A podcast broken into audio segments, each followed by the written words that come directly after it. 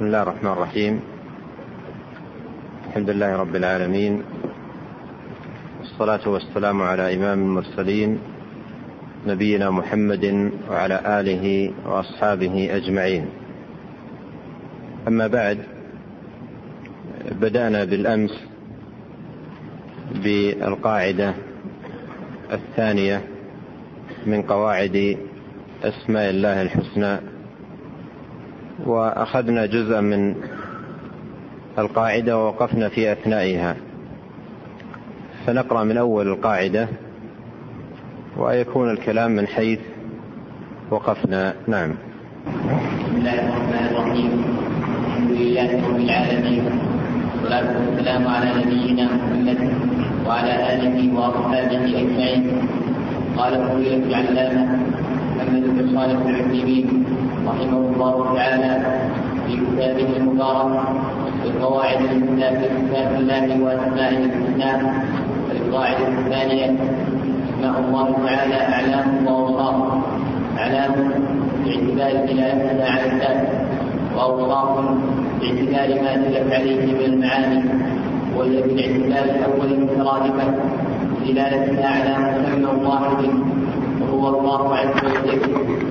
وبالاعتبار الثاني متباينه دلالة كل واحد منهما على معناه الخاص الحي العليم القدير السميع البصير الرحمن الرحيم العزيز الحكيم كلها أسماء لمسمى واحد وهو الله سبحانه وتعالى لكن معنى الحي غير معنى العليم ومعنى العليم غير معنى القدير وهكذا وإنما قلنا بأنها أعلام وأوصاف دلالة القرآن عليه كما في قوله تعالى وهو الغفور الرحيم وقوله وربك الغفور الرحمة فإن الآية الثانية دلت على أن الرحيم هو المتصف بالرحمة والإجماع العلم والعقل لا يقال عليم إلا لمن له علم ولا سميع إلا لمن له سمع ولا بصير إلا له بصر وهذا أمر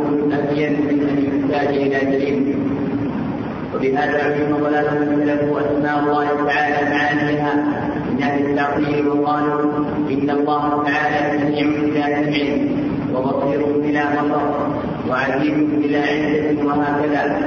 وعجلوا ذلك بأن ثبوت الصفات يستلزم تعدد السماء وهذه العله عليله الميته بدلاله السمع والعقل على مصالحها. نعم إلى هنا وصلنا في القراءة بالأمس وعرفنا القاعدة وأهميتها في فهم أسماء الله تبارك وتعالى وأنها أعلام وأوصاف وأن العلمية فيها لا تنافي الوصية فكما أنها تدل على ذات الله جل وعلا فإنها تدل كذلك على الصفات.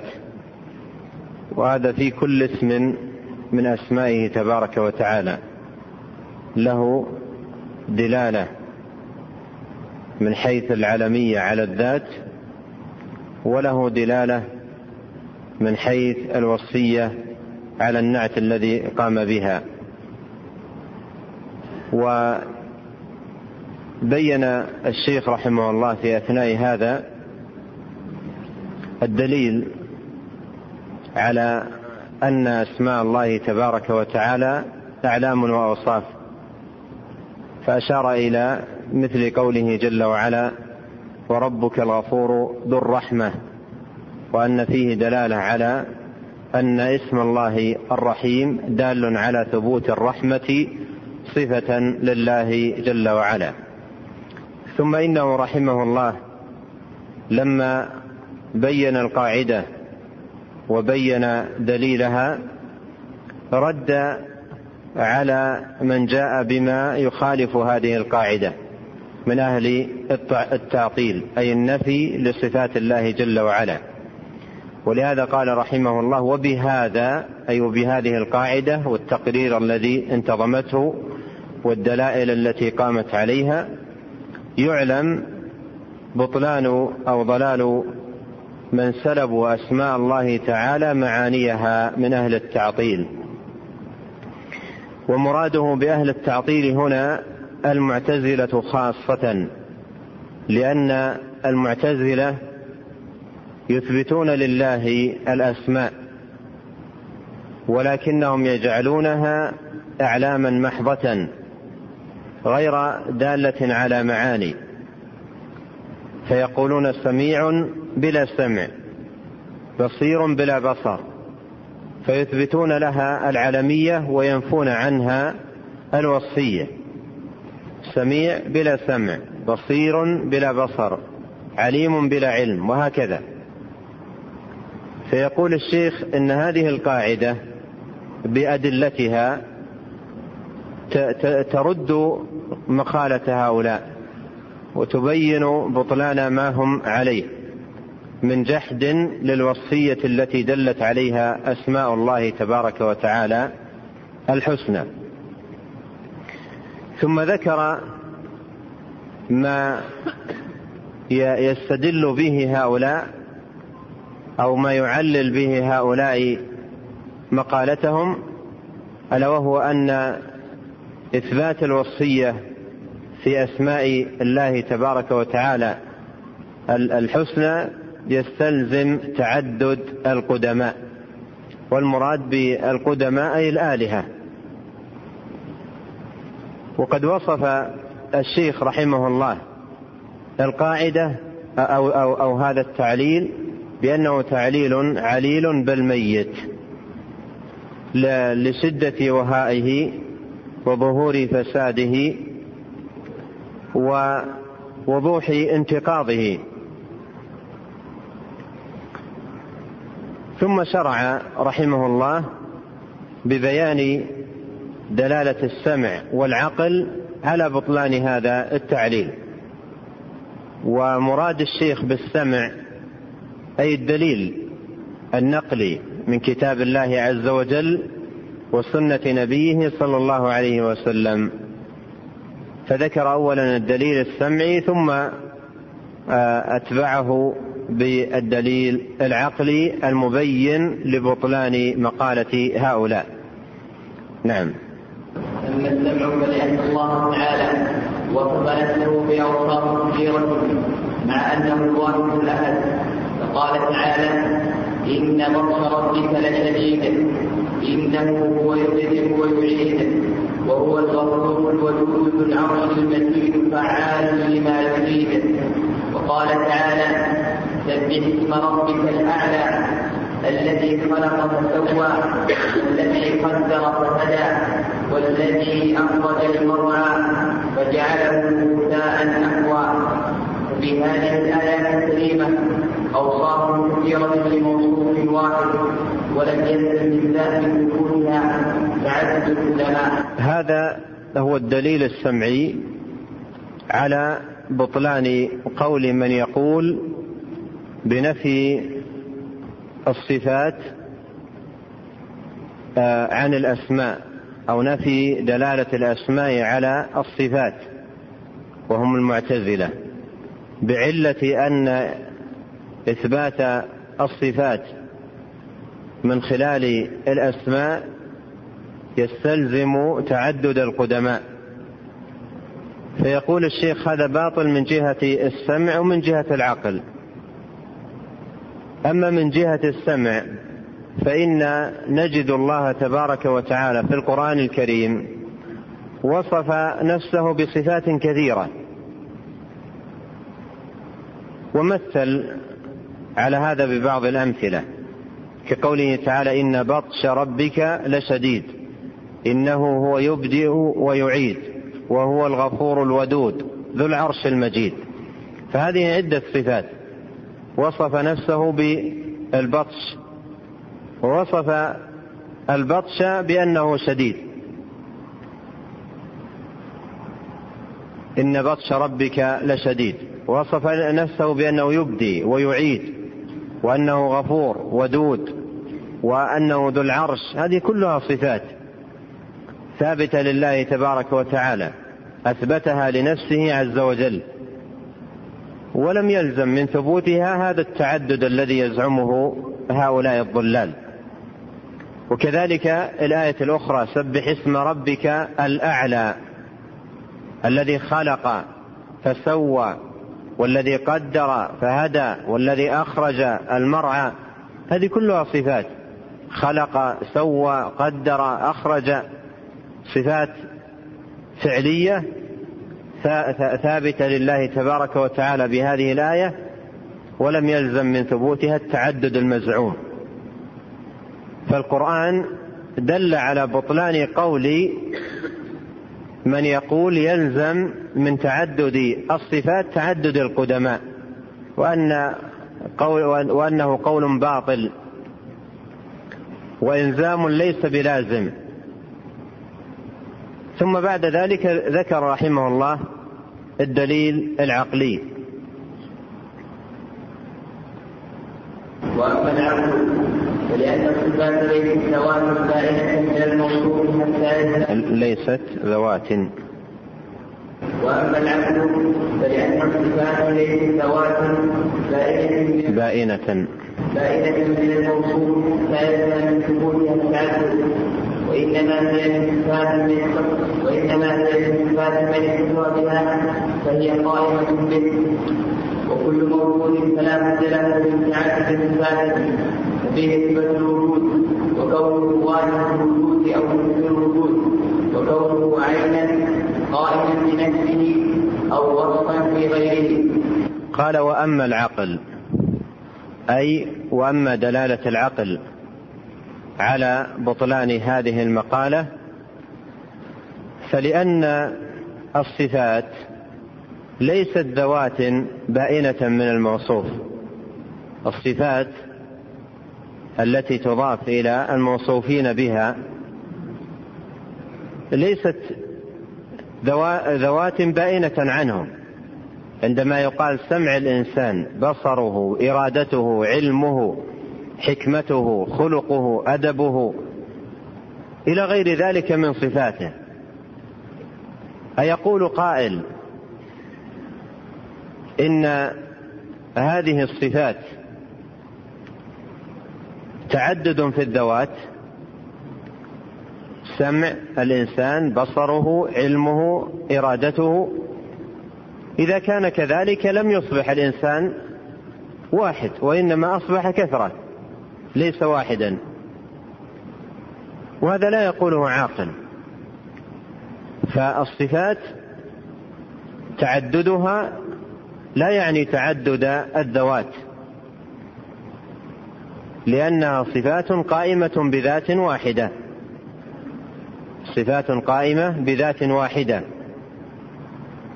هي ذات واحدة ومتصفة بصفات عديدة فما ثمة تعدد؟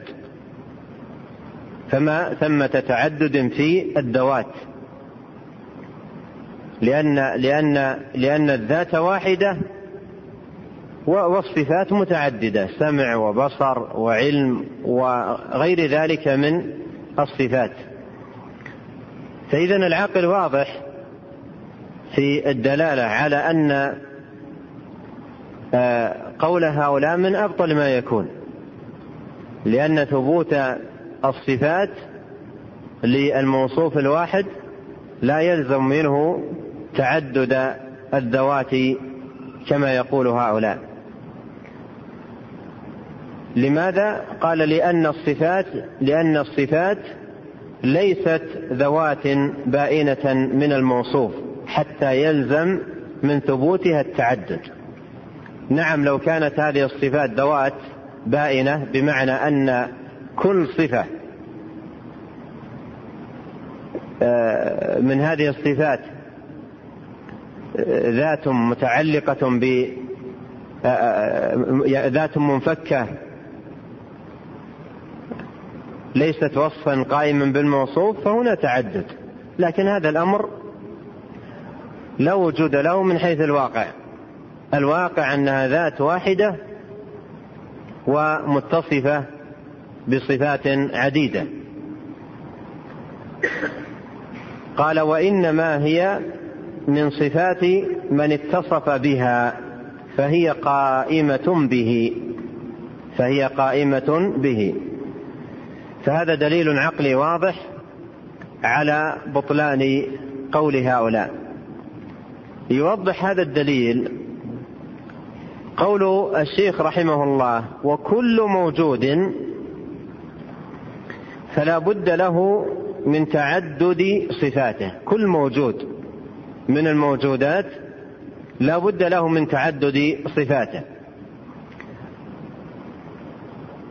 وذكر ما يبين ذلك. أن أن أنه ما من موجود إلا ولا بد من تعدد في صفاته. وهذا التعدد في صفات المخلوق أو الموجود لا يلزم منه تعدد الذوات. قال ففيه صفة الوجود هذا رقم واحد. وكونه واجب الوجود أو ممكن الوجود هذا رقم اثنين. وكونه عينا قائمة أو عينا قائما بنفسه أو وصفا في غيره هذا ثلاثة. فهذه الصفات الثلاث التي ذكر الشيخ الآن لا يخلو منها أي موجود. أي موجود من الموجودات. لا يخلو منها. وجود الله تبارك وتعالى ووجود خلقه لا تخلو من هذه الصفات. أولا صفة الوجود. فإذا فإذا وصف الموجود بأنه موجود هل يعني هذا أن أن وصفه بالوجود ذات أخرى غيره؟ فيلزم التعدد. لأنهم يقولون يلزم من إثبات الصفات التعدد. إذا إذا وصف المخلوق بأنه موجود أصبح ماذا؟ أصبح بزعم هؤلاء ثمة ذاتان. ذات التي وصفت بالوجود والوجود نفسه ذات أخرى. وهذا لا يقوله عاقل. فلم يلزم من آآ آه، آآ آه، هذا الوصف التعدد. إذا انتقض الزعم أنه يلزم من تعدد الصفات تعدد القدماء انتقض. لأن لأن ما يخلو موجود من وصفه بهذه الصفة التي هي صفة الوجود. ثم أيضا وصفه بصفة أخرى كونه واجب الوجود أو ممكن الوجود. واجب الوجود هذا وجود الله تبارك وتعالى. فهو جل وعلا وجوده واجب. وممكن الوجود هذا وجود المخلوق. لأن وجوده بإيجاد الله له وخلق الله تبارك وتعالى له. إذا هذا الوصف الثاني. كونه واجب الوجود وهذا, وهذا وصف الله أو ممكن الوجود وهذا وصف وصف جميع المخلوقات. الوصف الثالث كونه عينا قائما بنفسه أو وصفا قائما بغيره. كونه عينا قائما بنفسه أو وصفا قائما أو أو وصفا في غيره. فهذا أيضا لا يخلو منه أي موجود. فهذه أوصاف ولم يلزم منها التعدد. هذه أوصاف ولم يلزم منها التعدد. وأيضا ما ما ما يراه الناس في في واقعهم. الشيء الواحد الشيء الواحد الذي يعلم آه، بأنه واحد تجد فيه صفات كثيرة. تجد فيه صفات كثيرة ومتعددة. ولا يقول قائل إنه يلزم من وجود الصفات فيه تعدده. فالعقل يدل على بطلان ذلك. فإذا لا سمع ولا عقل. مع أن القوم هؤلاء يدعون أنهم أهل العقل. فهم لا لا سمع ولا عقل. السمع يكذب مقالتهم والعقل أيضا يبين فساد ما هم عليه. فلم يستقم لهم لا سمع ولا عقل. وبهذا يعلم أن آه، أن العقل لا يستقيم إلا إذا سار على ضوء السمع.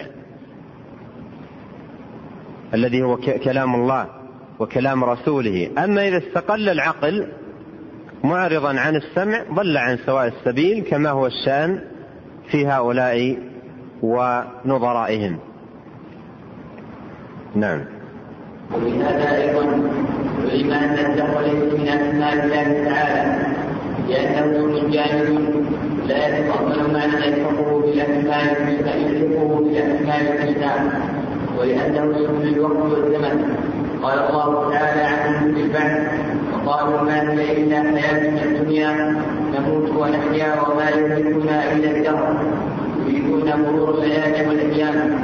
فأما قوله صلى الله عليه وسلم قال الله عز وجل يؤذيني ابن آدم يؤذيني يؤذيني. ابن. يؤذيني ابن آدم. يسب الدهر وأنا الدهر بيدي الأمر يقلب الليل والنهار. فلا يدل على أن الدهر من أسماء الله تعالى وذلك أن الذين يسبون الدهر إنما يريدون الزمان الذي هو محل الحوادث. لا يريدون الله تعالى فيكون معنى قوله وأنا الدهر ما فسره بقوله بيده الأمر يقلب الليل والنهار. فهو سبحانه خالق الدهر وما فيه وقد بين أنه يقلب الليل والنهار وهما الدهر. ولا يمكن أن يكون المقلب بكفر الله هو المقلب بفتحها وبهذا تبين أنه يمتنع أن يكون الدهر في هذا الحديث مرادا به الله تعالى.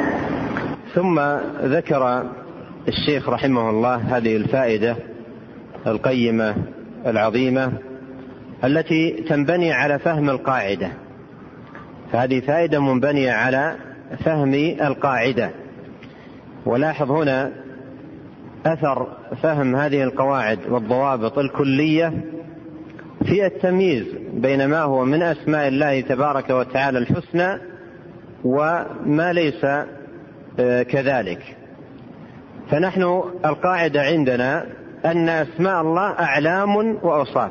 أسماء الله الحسنى أعلام وأوصاف. هذه القاعدة.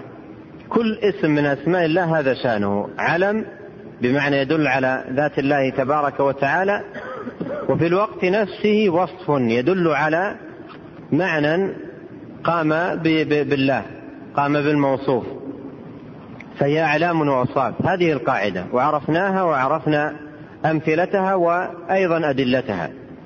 نأتي وقد عرفنا هذه القاعدة إلى حديث أنا الدهر. يؤذيني ابن آدم يسب الدهر وأنا الدهر. أقلب الليل والنهار.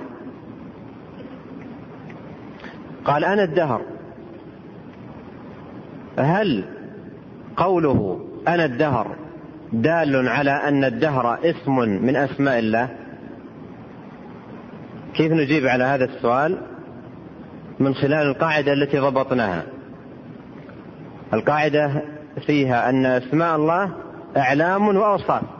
هذه هذا هذا شأن أسماء الله كلها أعلام وأوصاف. وهنا في الحديث قال أنا الدهر. ولاحظ في أحاديث كثيرة. يعني إن الله رفيق إن الله محسن إن الله أخذ من العلماء ثبوت هذه أسماء لله. هنا قال وأنا الدهر. أنا الدهر. هل الدهر اسم من أسماء الله تبارك وتعالى؟ الجواب؟ لا ليس من أسماء الله. لماذا؟ لأن الدهر علم جامد لا يدل على وصف. هذا هو الجواب. لأنه علم جامد لا يدل على وصف. أين الوصف الذي يدل عليه هذا الاسم؟ مثلا الكريم الكرم العليم العلم السميع السمع البصير البصر الدهر. ما الصفة التي يدل عليها هذا الاسم حتى يكون من أسماء الله الحسنى؟ ما هي؟ إذا لاحظ فهم القاعدة يساعد على فهم النصوص. فأنت ترى الآن أن الدهر لا يدل على وصف. يقوم بالموصوف الذي هو الله تبارك وتعالى. إذا ليس هو من أسمائه. لماذا الدهر ليس من أسماء الله لأنه لا ليس فيه وصف قائم بالله تبارك وتعالى. وأسماء الله كلها أعلام وأوصاف. وأسماء الله كلها أعلام وأوصاف. لاحظ ماذا يقول؟ قال وبهذا أيضا علم. العطف هنا في قوله وبهذا عطف على ماذا؟ عطف على أي شيء. لاحظ معي لما ذكر الشيخ رحمه الله القاعدة قال وبهذا علم ضلال. يعني وبهذا علم ضلال. ثم أيضا عطف عليه قال وبهذا علم. هذه كلها فوائد من القاعدة. وأنت هنا تستفيد فائدة أن القاعدة الكلية كما أنها تعينك على فهم الحق وضبطه أيضا تعينك على رد المخالفات ونقضها.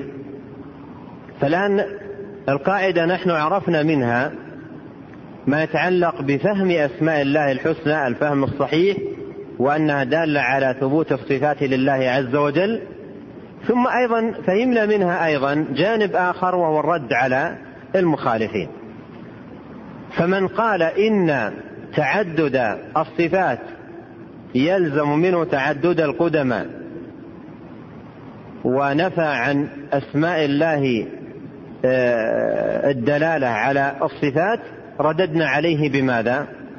بالقاعدة وأيضا من من قال إن الدهر اسم من أسماء الله وأخذ ذلك من ظاهر قوله وأنا الدهر رددنا عليه بماذا؟ بالقاعدة لأن القاعدة عندنا أن أسماء الله الحسنى أعلام وأوصاف. أردنا أن نطبق هذه القاعدة على هذا الاسم فما وجدناه دل على وصف يثبت لله تبارك وتعالى.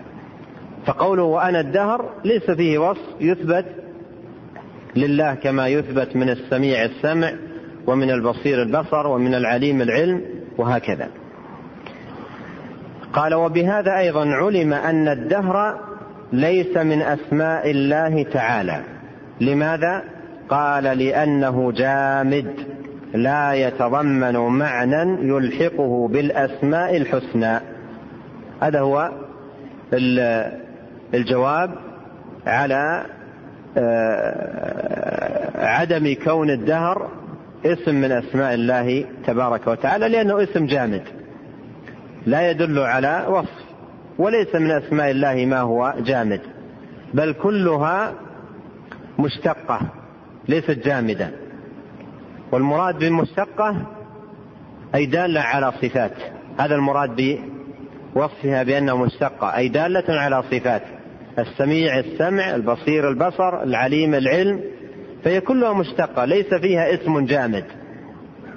والدهر اسم جامد. الدهر اسم جامد. لا يدل على وصف يضاف إلى الله تبارك وتعالى كما هو الشأن في الأسماء التي في أسماء الله الحسنى.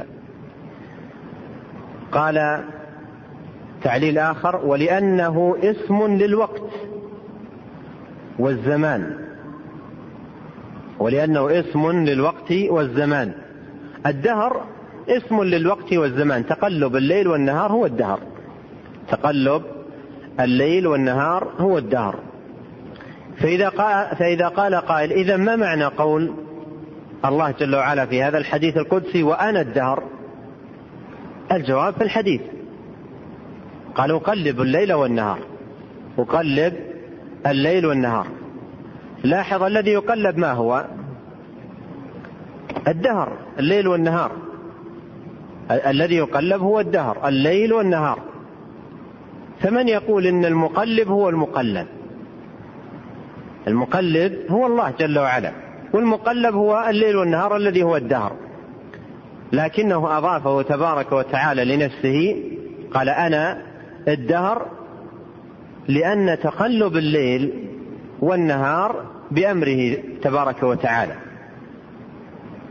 فالإضافة, فالإضافة هنا ليست إضافة وصف.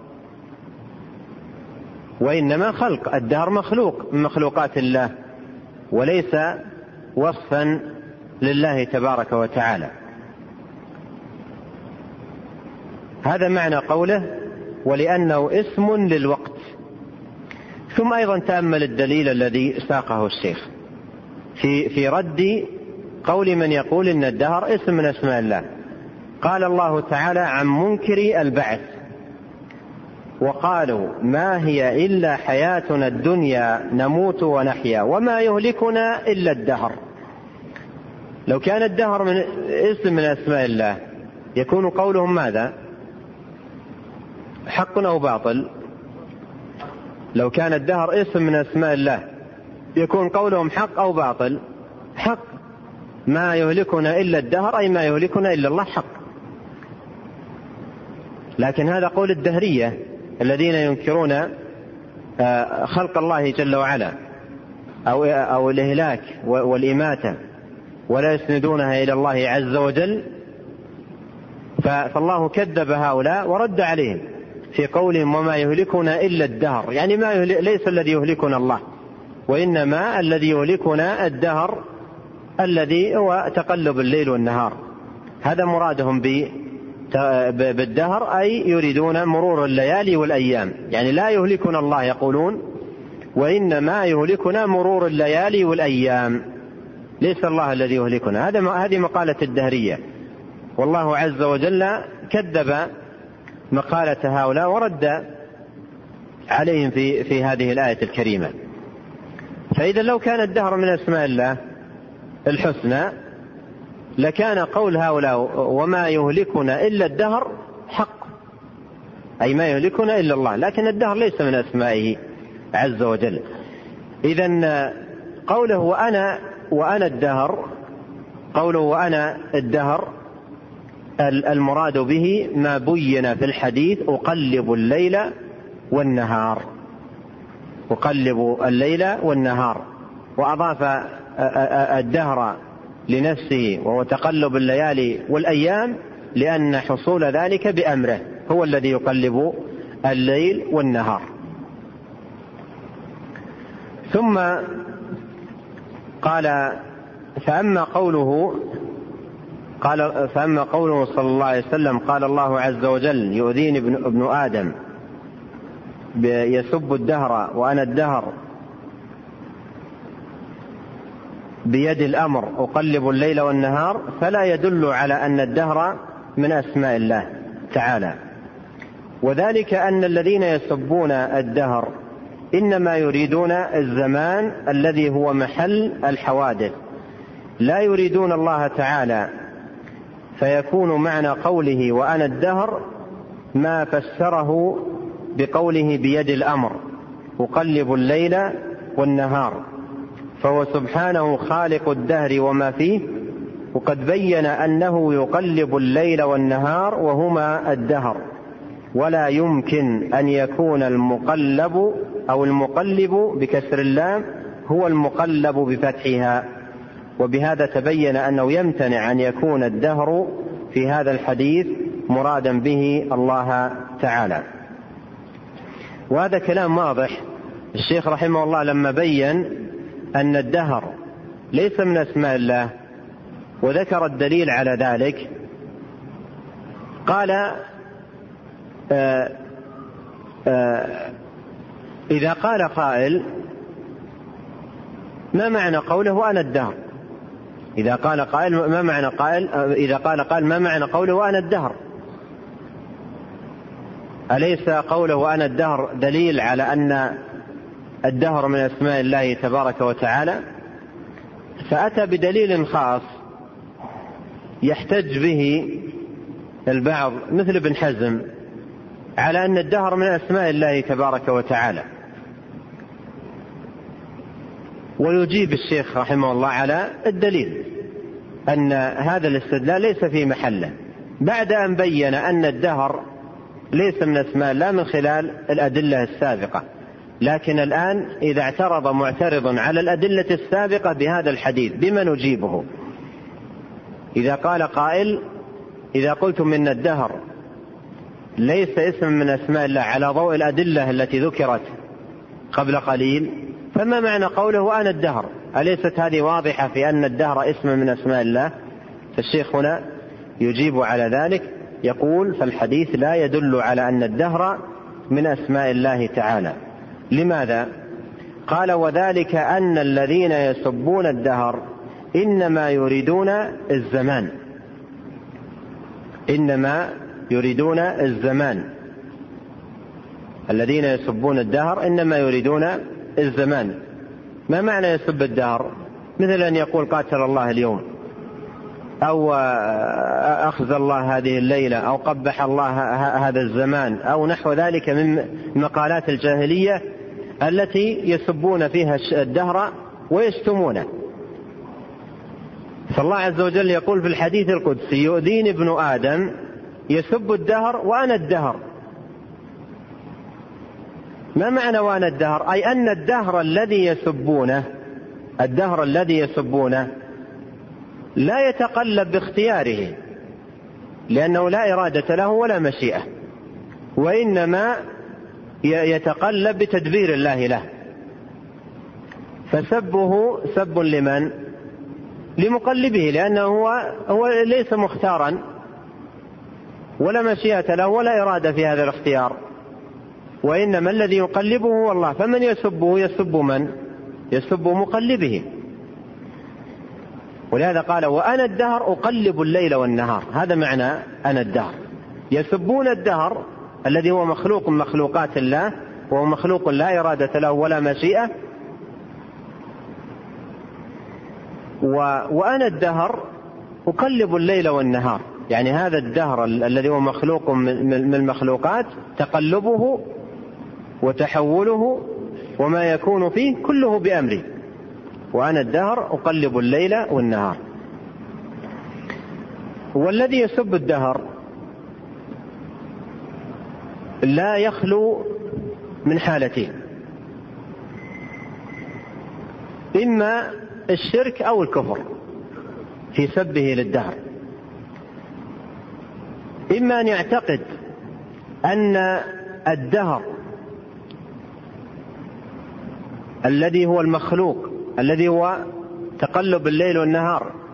إما أن يعتقد أن الدهر هو المتصرف في في في, في هذا التقلب بمشيئته وإرادته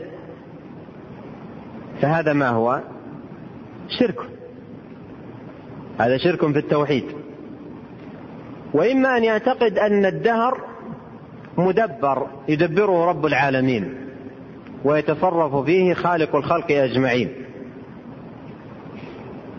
فيسبه. فيسبه.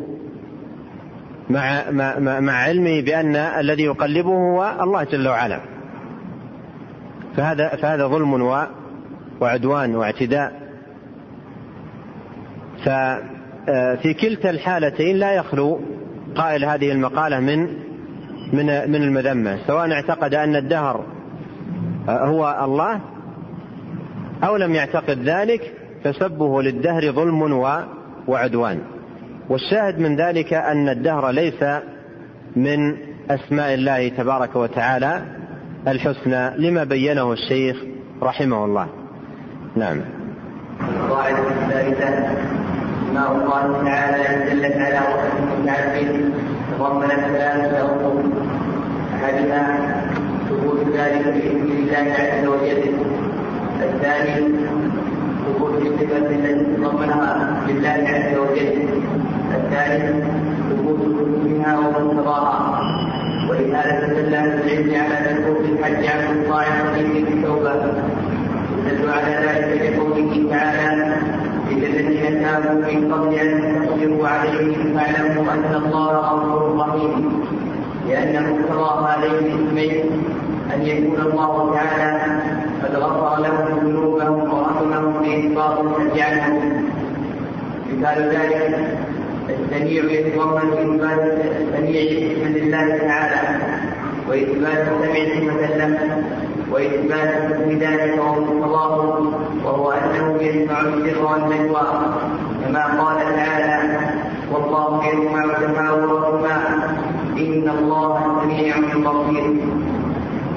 وإن دلت على وصف غير متعدد تضمنت أمرين أحدهما ثبوت ذلك الاسم لله عز وجل. الثاني ثبوت الصفة التي تضمنها لله عز وجل. مثال ذلك الحي يتضمن إثبات اسما لله عز وجل وإثبات الحياة صفة له هذه القاعدة الثالثة وهي قاعدة مفيدة جدا للغاية في فهم أسماء الله تبارك وتعالى الحسنى وهي أيضا مترتبة على القاعدة السابقة. القاعدة السابقة أسماء الله أعلام وأوصاف. أعلام وأوصاف. جاء بعد هذه القاعدة هذه القاعدة وهي مترتبة عليها. عرفنا أن أسماء الله أعلام وأوصاف. الأوصاف التي تدل عليها أسماء الله. وبخاصة الأوصاف الفعلية. أو كذلك الأوصاف الذاتية. أو أو الأوصاف الذاتية. هذه الأسماء الدالة على الأوصاف. الأوصاف التي دلت عليها هذه الأسماء إما أن يكون وصفا متعديا أو وصفا لازما.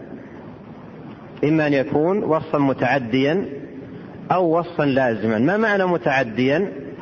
أي يجاوز أثره إلى المخلوق أو إلى المفعول به. يتجاوز أثره. ولهذا يقولون في الفعل المتعدي الفعل المجاوز. يقولون فيها الفعل المجاوز لأن أثره يجاوز إلى الغير أن يتعدى إليه. الأثر فإذا الأوصاف التي دلت عليها أسماء أسماء الله تبارك وتعالى منها أوصاف متعدية. ما معنى متعدية؟ أي أثرها يجاوز إلى الغير مثل أحياه الله خلقه الله أماته الله رزقه الله وهكذا. هذه فيها وصف متعدي. أي أن أثره يتعدى إلى إلى الغير ولهذا يقال له الفعل المجاوز. وهناك أسماء تدل على وصف لازم تدل على وصف لازم أي غير متعدي تدل على وصف لازم غير غير متعدي وأنبه أن القاعدة لا تعلق لها بتقسيم الصفات إلى ذاتية أو فعلية كما قد يفهم من الكلام الذي بدأت به وإنما هي متعلقة بعموم الصفات. متعلقة بعموم الصفات صفات الله تبارك وتعالى التي دلت عليها أسماؤه. فأسماء الله الحسنى إما أن تكون دالة على وصف متعد ومعنى متعد أي يتجاوز أثره إلى الغير الذي هو المخلوق أو تكون متضمنة لوصف لازم أي لا يتجاوز أثره إلى المخلوق. إذا علم هذا فإن ثمة فرق بين ما يدل عليه الاسم الدال على وصف متعد والاسم الدال على وصف لازم. على ضوء البيان الذي ذكره الشيخ رحمه الله. قال أسماء الله تعالى إن دلت على وصف متعد تضمنت ثلاثة أمور. أسماء الله إذا إن دلت على وصف متعد دلت على ثلاثة أمور. الأمر الأول ثبوت الاسم لله. والأمر الثاني ثبوت الصفة التي دل عليها الاسم. والأمر الثالث ثبوت الإيش؟ الحكم. حكمها ومقتضاها. مثلا إذا جئنا إلى قول الله تعالى وهو السميع البصير. وهو السميع البصير. هذه الآية فيها اسمان من أسماء الله تبارك وتعالى الحسنى. وكل واحد منهما دال على وصف متعد. فماذا نثبت؟ نثبت ثلاث أشياء. من كل اسم من هذين الاسمين. نثبت السميع اسما لله والسمع صفة لله والحكم والمقتضى أنه يسمع تبارك وتعالى جميع الأصوات. البصير نثبت منه الاسم البصير لله تبارك وتعالى ونثبت منه البصر صفة له ونثبت منه الحكم والمقتضى وهو أنه يبصر جميع المبصرات. في جميع الأسماء الدالة على أوصاف أو أوصاف متعدية.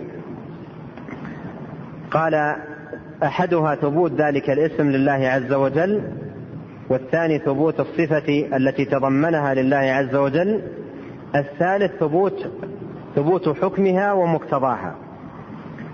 ثم يذكر الشيخ رحمه الله فائدة جليلة تنبني على هذه القاعدة وفهمها. قال ولهذا استدل أهل العلم على سقوط الحد على عن قطاع الطريق بالتوبة. استدلوا على ذلك بقوله إلا الذين تابوا من قبل أن تقدروا عليهم فاعلموا أن الله غفور رحيم ختم الآية بماذا؟ إن الله غفور رحيم ونحن نؤمن ب كما أننا نؤمن بأن قول إن الله غفور رحيم آه، إثبات الاسم وإثبات الصفة أيضا نؤمن بإثبات الحكم وهو ماذا؟ أنه يغفر ويرحم فقوله إن الله غفور رحيم لأن مقتضى هذين الاسمين أن يكون الله غفر قد غفر لهم ذنوبهم ورحمهم بإسقاط الحد عنهم. فقام قوله إن الله غفور رحيم الذي ختمت به الآية مقام الأمر بالعفو عنهم والمغفرة. وهذا لا يمكن أن يفهم من الآية إلا إذا كان الإنسان يؤمن بماذا؟ بالحكم. مع إيمانه بالاسم والصفة. مع إيمانه بالاسم والصفة إيمانه بالحكم. فقول إن الله غفور رحيم هذا فيه إثبات أنه يغفر ويرحم. إثبات أنه يغفر ويرحم. ثم ذكر الشيخ مثالا على على القاعدة قال مثال ذلك السميع. يتضمن إثبات السمع اسما لله تعالى وإثبات إثبات السميع اسما لله وإثبات السمع صفة له وإثبات حكم ذلك ومقتضاه وهو أنه يسمع السر والنجوى. كما قال تعالى والله يسمع تحاوركما إن الله سميع بصير. والمثال واضح في الدلالة على المعنى الذي أشار إليه الشيخ رحمه الله. لكنني أنبه هنا على فائدة فيما يتعلق بأسماء الله الدالة على أوصاف متعدية. أسماء الله الدالة على أوصاف متعدية. هذه الأسماء الدالة على أوصاف متعدية منها ما لا يتعلق بكل موجود. هو متعدي لكن تعديه لا يتعلق بكل موجود. ومنها ما هو متعلق بكل موجود. متعدي لكل موجود. ولكي يتضح خذ مثالا على ذلك السميع الذي هو المثال الذي ذكر الشيخ والعليم. العليم آه، عفوا السميع هذا اسم دال على وصف متعدي. لكن التعدي هنا يتعلق بكل الكائنات وجميع المخلوقات أو ليس متعلقا بكلها. السميع السميع هذا دال على وصف متعد وهو إيش؟ السمع. سمع الأصوات. والمخلوقات كلها لها أصوات من المخلوقات ما ما ما ما, ما لا صوت له. اذا هنا اسم متعدي إلى ما له صوت. اسم متعدي إلى ما له صوت. يعني فإذا كان صوت سمع سمعه الله تبارك وتعالى دق أو جل فقهه المخلوقات أو لم يفقهوه إذا وجد الصوت سمعه. سبحانه وتعالى من أي مخلوق كان. لكنه وصف متعد إلى ماذا؟ الأصوات. إلى الأصوات. فإذا الأسماء الدالة على أوصاف متعدية منها ما لا يتعلق بكل موجود مثل السميع ومنها ما يتعلق بكل بكل موجود مثل العليم. العليم هذا لا متعدي إلى كل المخلوقات لأن لأن كل المخلوقات أحاط علم الله تبارك وتعالى بها. والسمع متعدي لكنه ليس متعديا لكل موجود وإنما متعديا للأصوات الموجودة في المخلوقات. فهذا فيما يتعلق باوصاف الله تبارك وتعالى المتعدية واللازمة. في أوصاف الله المتعدية. ثم بعد ذلك دخل الشيخ فيما يتعلق بالاوصاف اللازمة التي دلت عليها أسماء الله. قال وإن دلت على وصف غير غير متعد تضمنت أمرين أحدهما ثبوت ذلك الاسم لله عز وجل والثاني ثبوت الصفة التي تضمنها لله جل وعلا. فهنا يثبت أمران من الاسم الدال على وصف لازم يثبت منه أمران الاسم والصفة. أما الحكم فلا يثبت لماذا؟ لأنه لأنه دل على وصف لازم. لم يدل على وصف متعدي لنثبت منه الحكم.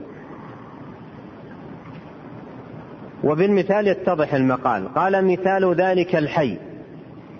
يتضمن إثبات الحي اسما لله عز وجل وإثبات الحياة صفة له.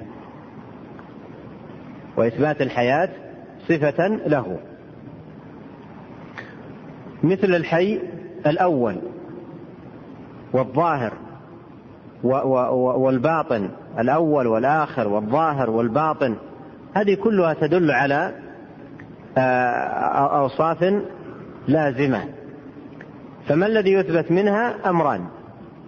الاسم والصفة التي دل عليها هذا الاسم. ولهذا لاحظ الفرق بين ما دل من أسماء الله على وصف متعد وما دل على وصف لازم ال- الذي يدل على وصف متعدي يشتق لله منه الصفة والفعل. يشتق لله منه الصفة والفعل. بينما الذي يدل على وصف لازم يشتق لله منه ماذا؟ الصفة دون الفعل. ففي مثل الحي تثبت صفة الحياة لكن لا تشتق منها فعلا كما تشتق في السميع السمع يسمع. البصير الصفة البصر الحكم يبصر. الرحيم الرحمة يرحم. الحي الحياة ماذا؟ ما يشتق فعل. الأول الأولية ولا يشتق فعل. وهكذا. نعم. القاعدة الرابعة دلالة أسماء الله تعالى على ذاته وصفاته تكون بالمطابقة وبالتضمن وبالالتزام مثال ذلك الخالق يدل على ذات الله وعلى صفة الخلق بالمطابقة ويدل على الذات وحدها وعلى صفة الخلق وحدها بالتضمن ويدل على صفتي العلم والقدرة بالالتزام ولهذا لما ذكر الله خلق السماوات والأرض قال لتعلموا أن الله على كل شيء قدير وأن الله قد أحاط بكل شيء علما ودلالة الالتزام مفيدة جدا لطالب العلم إذا تدبر المعنى ووفقه الله تعالى فهما للتلازم فإنه بذلك يحصل من الدليل الواحد على مسائل كثيرة. هذه القاعدة الرابعة من قواعد أسماء الله الحسنى ألا وهي دلالة أسماء دلالة أسماء الله تعالى على ذاته وصفاته تكون بالمطابقة وبالتضمن والالتزام. وهذه أنواع ثلاثة لدلالة الألفاظ الوضعية. ما وضعت له الألفاظ فهي تدل على ما تدل عليه بثلاثة أنواع من الأدلة إما بالمطابقة أو بالتضمن أو بالالتزام. الالتزام أن يلزم من ثبوت كذا ثبوت كذا. فهذا ليس فقط في الأسماء يعني ليس فقط في الأسماء الحسنى وإنما في عموم الألفاظ. وإنما في عموم الألفاظ. الألفاظ عموما تدل على ما تدل عليه إما مطابقة أو تضمنا أو التزاما. والمطابقة هي دلالة اللفظ على كامل معناه أو على تمام معناه. إذا دل اللفظ على تمام المعنى الذي يحويه هذا اللفظ أصبحت دلالته ماذا؟ مطابقة. والتضمن دلالة اللفظ على جزء معناه. فإذا دل لفظ من الألفاظ على بعض معناه أو جزء معناه فدلالته عليه تضمن.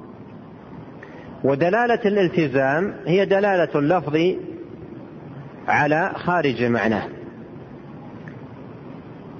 وهذا شأن الألفاظ كلها وأسماء الله الحسنى كذلك.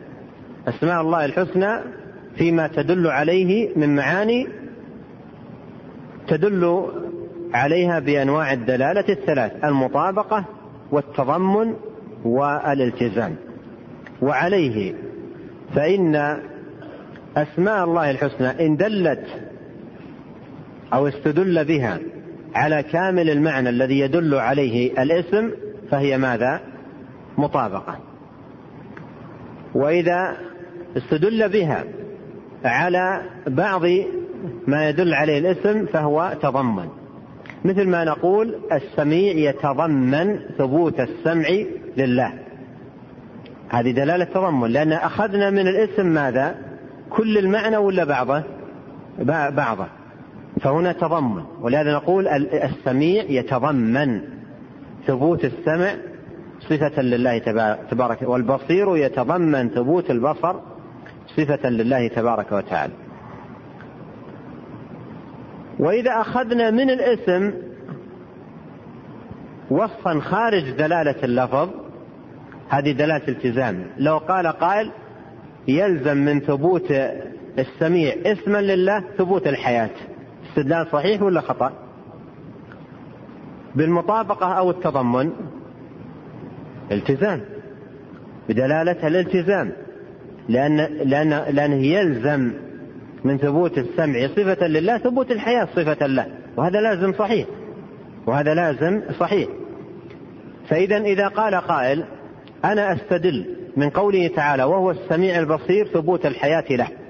استدلال صحيح أو خاطئ؟ استدلال صحيح. بأي أنواع الدلالة الثلاث؟ دلالة الالتزام. وهي نوع صحيح من الاستدلال. لكن له ضابطه كما سيأتي عند الشيخ رحمه الله.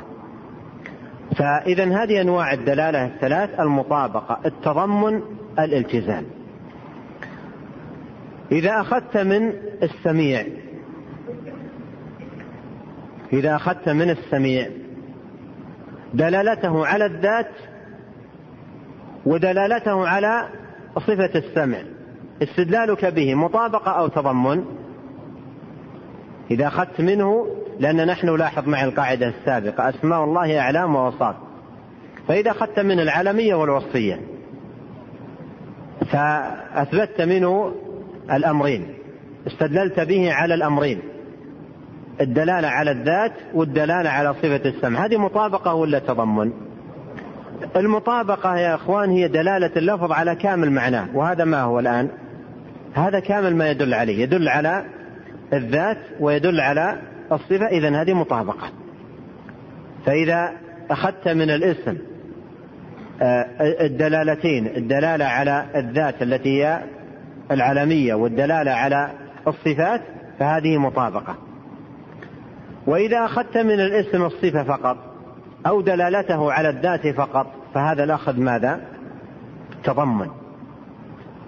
وإذا أخذت منه وصفا خارج معنى اللفظ فهذه دلالة التزام. ننظر في المثال الذي ذكره الشيخ. قال مثال ذلك الخالق يدل على ذات الله وعلى صفة الخلق بالمطابقة. الخالق يدل على ذات الله وعلى صفة الخلق بالمطابقة. لماذا قال الشيخ يدل على الذات والخلق وصفة الخلق بالمطابقة؟ لأن بهذه الطريقة أخذنا من, من, من هذا الاسم كامل المعنى. لأن, لأن الاسم يدل على الأمرين الذات والصفة فأخذنا الأمرين. إذا هذه مطابقة دلالة اللفظ بالمطابقة. ما معنى المطابقة؟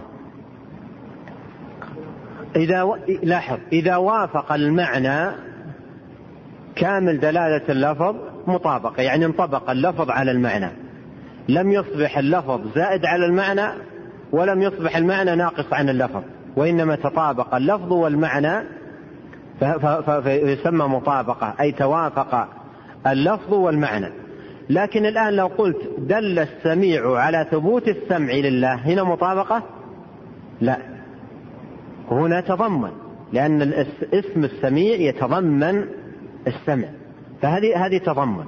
لكن إذا أخذت من السميع دلالته على الذات ودلالته على صفة السمع أصبح ما أخذته منه أصبح المعنى الذي أخذته منه مطابق لللفظ أي موافق له.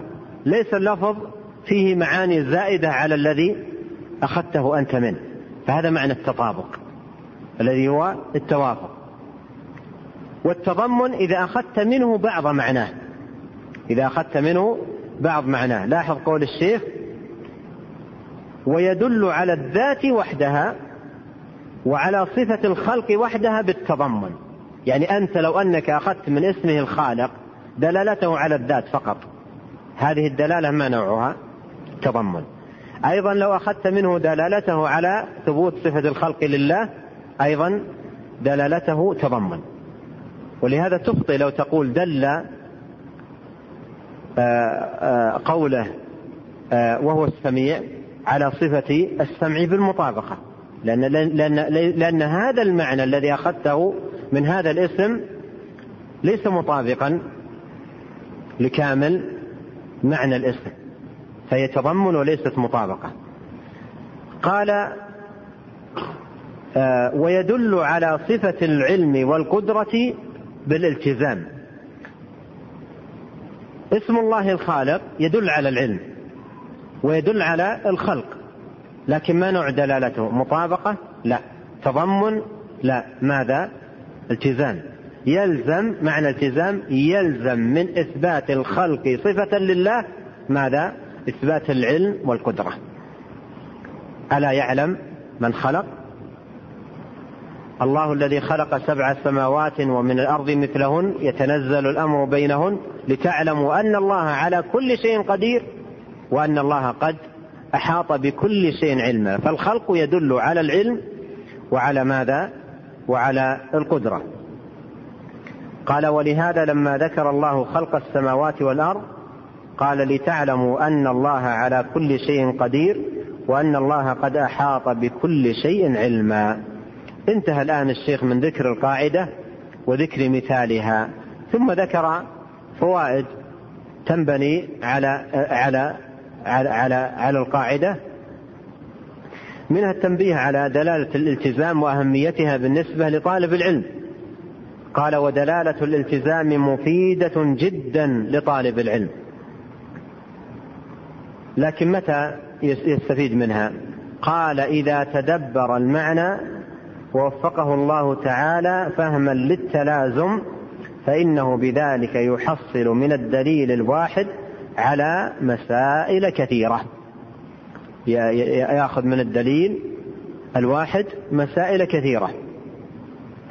إذا كان الإنسان لا لا يفهم دلالة التلازم ولا يدركها إذا جاء إلى الآيات التي فيها إثبات اسم الخالق لله جل وعلا لا يفهم منها من الصفات إلا ثبوت الخلق لله. لكن إذا كان يفهم دلالة التلازم ويتدبر في المعاني كم من الصفات التي تؤخذ بالالتزام من من من من من هذه الصفة. ولكن متى يستفيد من هذه الدلالة؟ يقول الشيخ إذا تدبر المعنى. يعني المعنى الذي دل عليه الاسم. هذا أمر. ووفقه الله تعالى فهم التلازم لأن قد يفهم المعنى الذي دل عليه الاسم لكنه أيضا ما يستطيع أن يفهم التلازم بينه وبين المعاني الأخرى التي يدل عليها الاسم باللزوم. فإذا فهم المعنى وفهم التلازم يخرج بعلم عظيم بحيث أنه من الدليل الواحد يخرج بمسائل كثيرة جدا. وأحيانا تندهش. بعض العلماء يستنبط استنباط من آية أو استنباطات من آية لا تظهر لك وأنت تقرأ الآية لكنه بهذا النوع من الفهم يستخرج من الدليل الواحد المسائل الكثيرة. نعم. وعلى أن اللازم من قول الله تعالى وقول رسوله صلى الله عليه وسلم. إذا صح أن يكون لازما فهو حق. ذلك لأن كلام الله ورسوله حق ولازم الحق حق. ولأن الله تعالى عالم بما يكون لازما من كلامه وكلام رسوله فيكون مرادا هنا هذه فائدة جليلة متعلقة باللازم من كلام الله. باللازم من كلام الله وكلام رسوله صلى الله عليه وسلم. قال واعلم أن اللازم من قول الله تعالى وقول رسوله صلى الله عليه وسلم إذا صح أن يكون لازما فهو حق.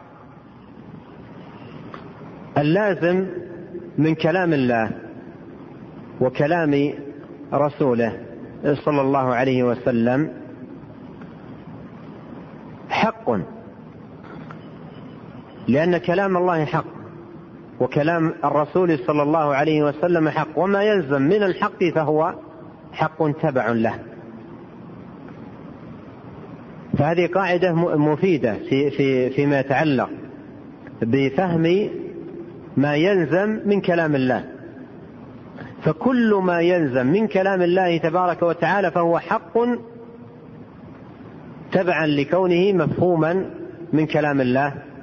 أو كذلك ما يفهم من كلام الرسول الكريم صلى الله عليه وسلم.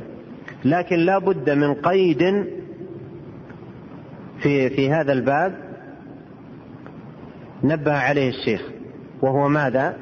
إن صح أنه لازم. إن صح أنه لازم لأن استخراج اللوازم يعود إلى ماذا؟ يعود إلى أعمال الذهن والفهم في الاستخراج. فإذا كان اللازم الذي استخرج لازم صحيح فهو حق. أما إذا كان اللازم ناشئ عن فهم فاسد أو فهم منحرف فهذا لا يعد من لوازم كلام الله وكلام رسوله صلى الله عليه وسلم. فيكون باطلا. أضرب لكم مثالين. آه قوله تعالى وهو السميع البصير. لو قال قائل يلزم من ثبوت هذين الاسمين يلزم من ثبوت هذين الاسمين إثبات الحياة لله تبارك وتعالى. ماذا تقولون في هذا اللازم؟ حق لأنه صحيح لازم صحيح. ولازم الحق حق. لو قال قائل في المثال ذاته يلزم من إثبات السمع والبصر لله التشبيه. هذا يقوله المعطلة.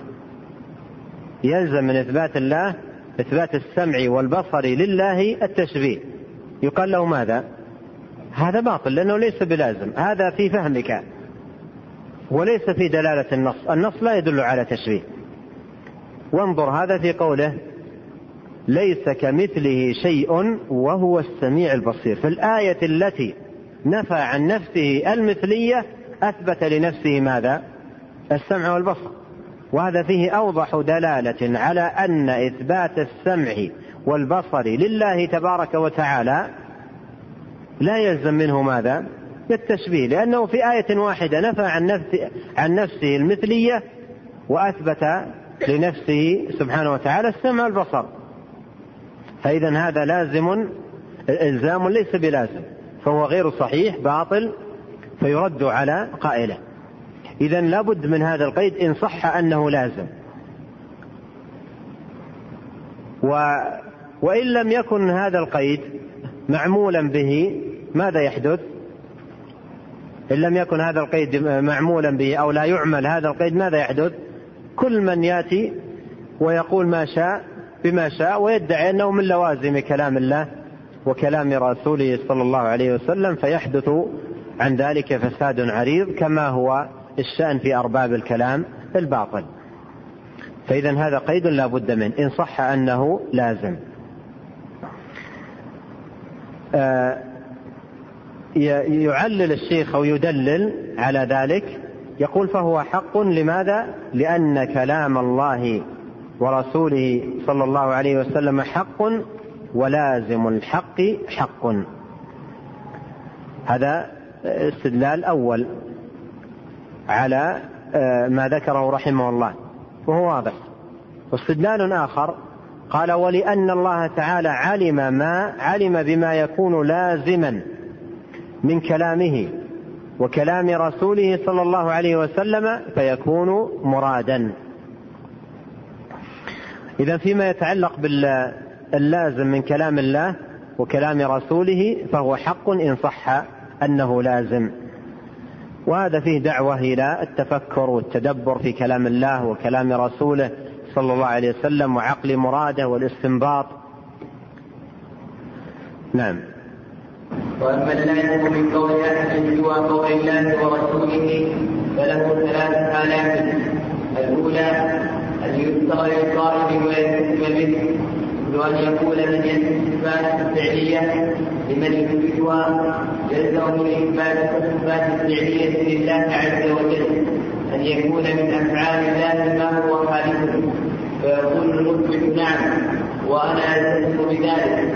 فإن الله تعالى لم يزل ولا يزال فعالا لما يريد ولا نفاذ لأقواله وأفعاله كما قال تعالى قل لو كان البحر مدادا لكلمات ربي البحر قبل أن تنفذ كلمات ربي ولو جئنا بمثله مددا وقال ولو أن ما في الأرض من شجرة أقلام والبحر يخرجه من بعده سبعه ابطل والبحر يخرجه من بعده سبعه ابطل ما نفذت كلمات الله.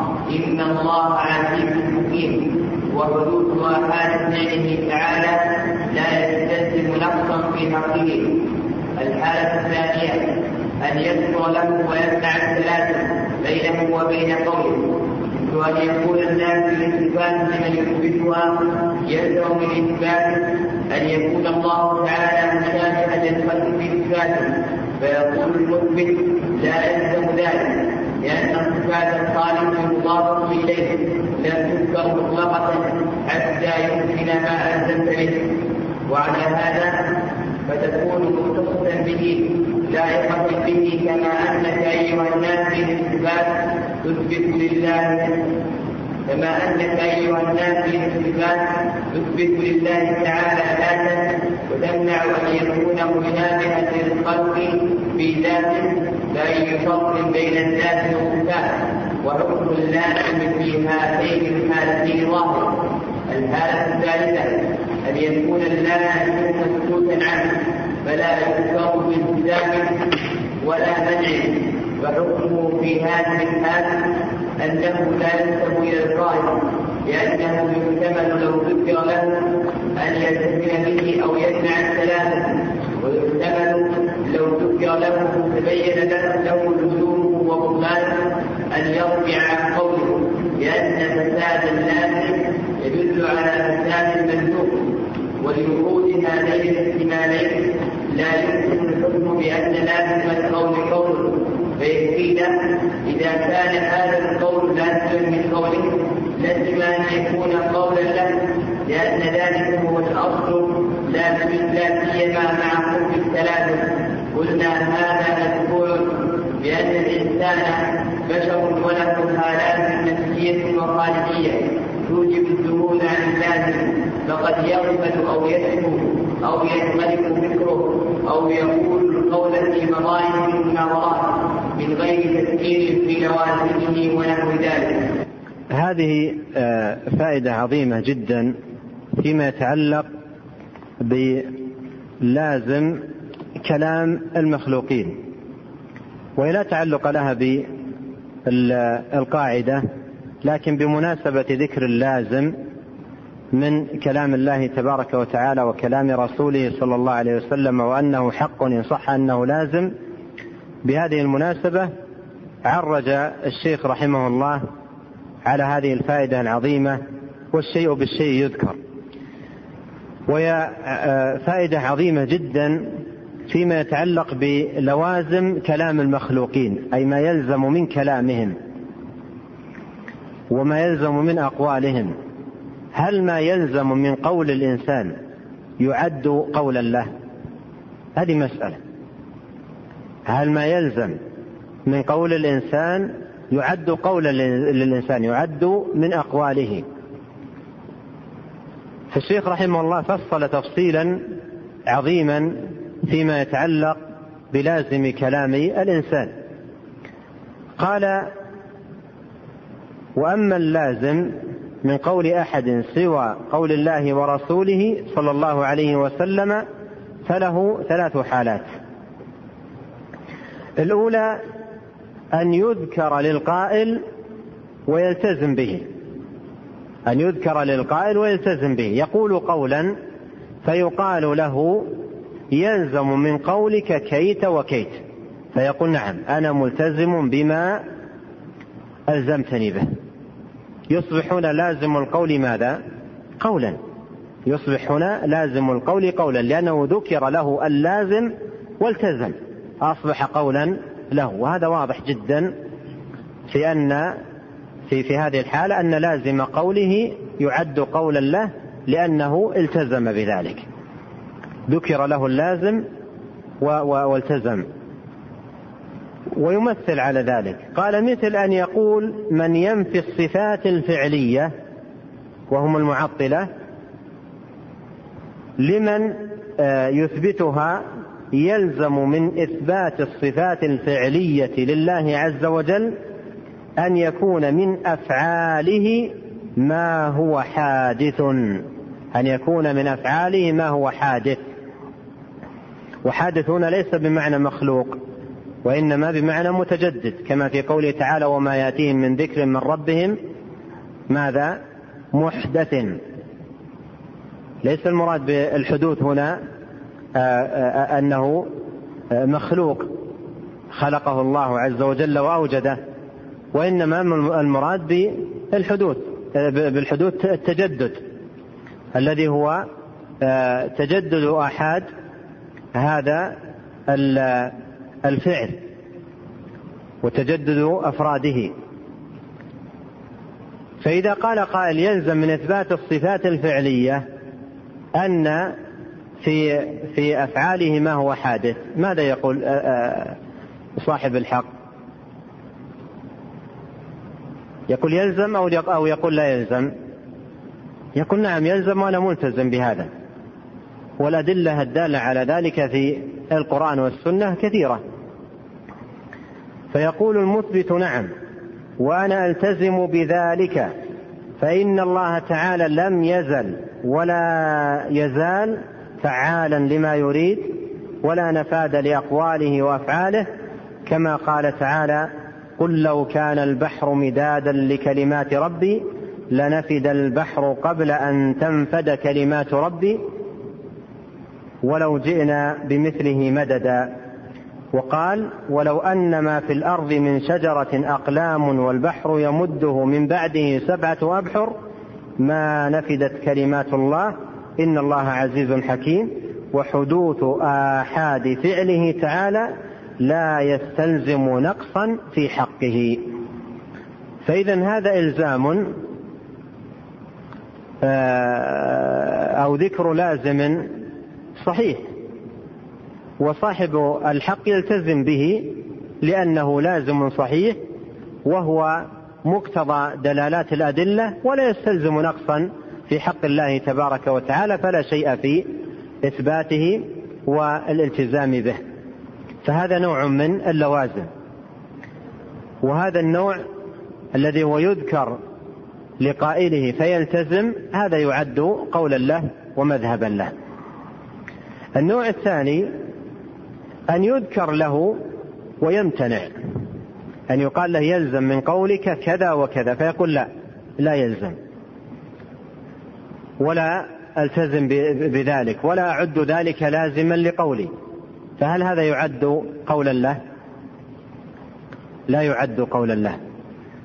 مثال ذلك أن يقول النافي للصفات لمن يثبتها يلزم من إثباتك أن يكون الله تعالى مشابها للخلق في صفاته. فماذا يقول صاحب الحق وصاحب السنة؟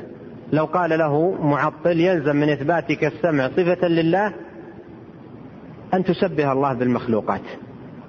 يلزم من إثباتك الاستواء لله أن تشبه الله بالمخلوقات. وهكذا في كل الصفات. في مثل هذا الإلزام ماذا يقول صاحب السنة؟ يقول لا لا لا, لا هذا ليس بلازم لقولي ولا ألتزم ذلك بل التشبيه باطل وإثبات الصفات حق. التشبيه باطل وإثبات الصفات حق. فهو ليس بلازم. إذا هنا آه، اللازم ليس قولا بخلاف الأول اللازم قولا له لأنه قيل ذكر له اللازم فالتزم بذلك وهنا لم يلتزم بل بين أنه ليس بلازم. قال فيقول المثبت لا يلزم ذلك لأن صفات الخالق مضافة إليه لم تذكر مطلقة حتى يمكن ما ألزمت به. وهذه تأملها جيدا فإنها عظيمة عظيمة الفائدة. عظيمة الفائدة. بل ضع عندها إشارة حتى تتذكرها. في في في رد آه، الزامات المعطلة لأهل السنة في كل الصفات. يقولون يلزم من إثباتكم الصفات التشبيه. لاحظ كلام الشيخ الرائع الجميل يقول لأن صفات الخالق مضافة إليه لم تذكر مطلقة حتى يمكن ما ألزمت به. هذا كلام جميل جدا. لأن فيه قاعدة عند أهل العلم هنا يقولون الإضافة تقتضي التخصيص. الإضافة تقتضي التخصيص. أي أن ما يضاف إلى الله عز وجل يخصه ويليق به. وما يضاف إلى المخلوق يخصه ويليق به. فإذا ادعى مدعي أن ما يلزم وصف المخلوق الناقص يعد لازما في وصف الخالق الكامل؟ يقال له لا. قف عند حدك. الإضافة تقتضي التخصيص. صفات الله تبارك وتعالى مضافة إليه مضافة إليه فهي تخصه وتليق بجلاله وكماله. نحن ما ذكرنا السمع على وجه الإطلاق وإنما ذكرنا السمع مضافا إلى الله. قلنا سمع الله. سمع الله. قلنا بصر الله. فعندما أضيف إلى الله أشعرت هذه الإضافة بماذا؟ بالكمال وأي لازم يلزم من و... يلزم من وصف المخلوق لا يعد ماذا؟ لا يعد لازما في وصف الخالق ولهذا الفساد الذي عند هؤلاء جاء من جهة الخلط بين اللوازم يجعلون ما هو لازم من وصف المخلوق لازما في وصف الخالق. وهذا من أبطل الباطل. ولننتبه في هذا الباب إلى هذه القاعدة المفيدة. الإضافة تقتضي التخصيص بمعنى أن ما يضاف إلى الله تبارك وتعالى يخصه ويليق بجلاله سبحانه وتعالى وكماله وما يضاف إلى المخلوق يخصه ويليق بعجزه ونقصه. أنا أضرب لكم مثالا يجلي لكم الأمر أكثر. يقول المعطلة في قوله تعالى الرحمن على العرش استوى. يلزم هكذا يقولون يلزم من إثبات الاستواء لله تبارك وتعالى على العرش حقيقة أن يكون الله محتاجا للعرش. أنت صاحب سنة فلو بليت بمعطل. وقال لك مثل هذا مثل هذا الكلام. يلزم من إثبات استواء الله تبارك وتعالى على العرش حقيقة أن يكون الله محتاجا للعرش مفتقرا إليه. إذا قالك يلزم هذا من إثباتك للاستواء ماذا تقول له؟ لاحظ هنا من أين جاءتهم من أين جاء من أين جاءهم هذا الإلزام؟ من أين دخل عليهم هذا الإلزام؟ نظروا إلى ماذا؟ نظروا إلى المخلوق. المخلوق عندما يستوي على شيء ما شأنه معه؟ قال الله تعالى لتستووا على ظهوره ثم تذكروا نعمة ربكم إذا استويتم عليه. ظهوره أي الفلك والأنعام. خلق لكم من الفلك والأنعام ما تركبون لتستووا على ظهوره أي الفلك والأنعام. من يستوي على ظهر الفلك؟ ويمشي به الفلك في عباب البحر. ما شأنه مع الفلك الذي هو مستو عليه؟ محتاج إليه. بمعنى أن لو غرق الفلك لماذا؟ لو غرق لغرق. وكذلك من يستوي على ظهر الدابة. ما شأنه مع مع هذا الاستواء؟ الاحتياج. لو سقطت سقط. نظروا إلى ما يلزم من صفة المخلوق فماذا فعلوا به؟ ماذا فعلوا به؟ جعلوه لازما لوصف الخالق. فجاءوا وقالوا يلزم من إثبات الاستواء لله حقيقة أن يكون الله محتاجا إلى العرش. فماذا تقول له؟ تقول لا يلزم. لماذا لا يلزم؟ لأن هذا لازم في حق المخلوق. ونحن أضفنا هذه الصفة إلى الكامل إلى الله جل وعلا. استوى أي الله؟ استوى الغني. لم يستوي المحتاج الذي استوى من هو؟ الغني.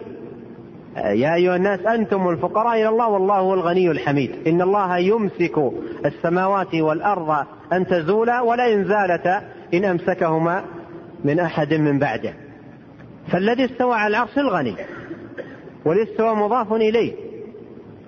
فإذا قال هؤلاء يلزم من إثباته لله تبارك وتعالى أن يكون محتاجا هذا ناشئ من الخلق. جعلوا ما هو لازم في حق المخلوق لازما في حق الخالق وهذا باطل. والمسألة يعني تحتاج إلى أيضا زيادة بسط. والآن نصيب الشيخ عبد الله من الوقت وصل. وأقف إلى هذا الحد. والله تعالى أعلم. وصلى الله وسلم على نبينا محمد.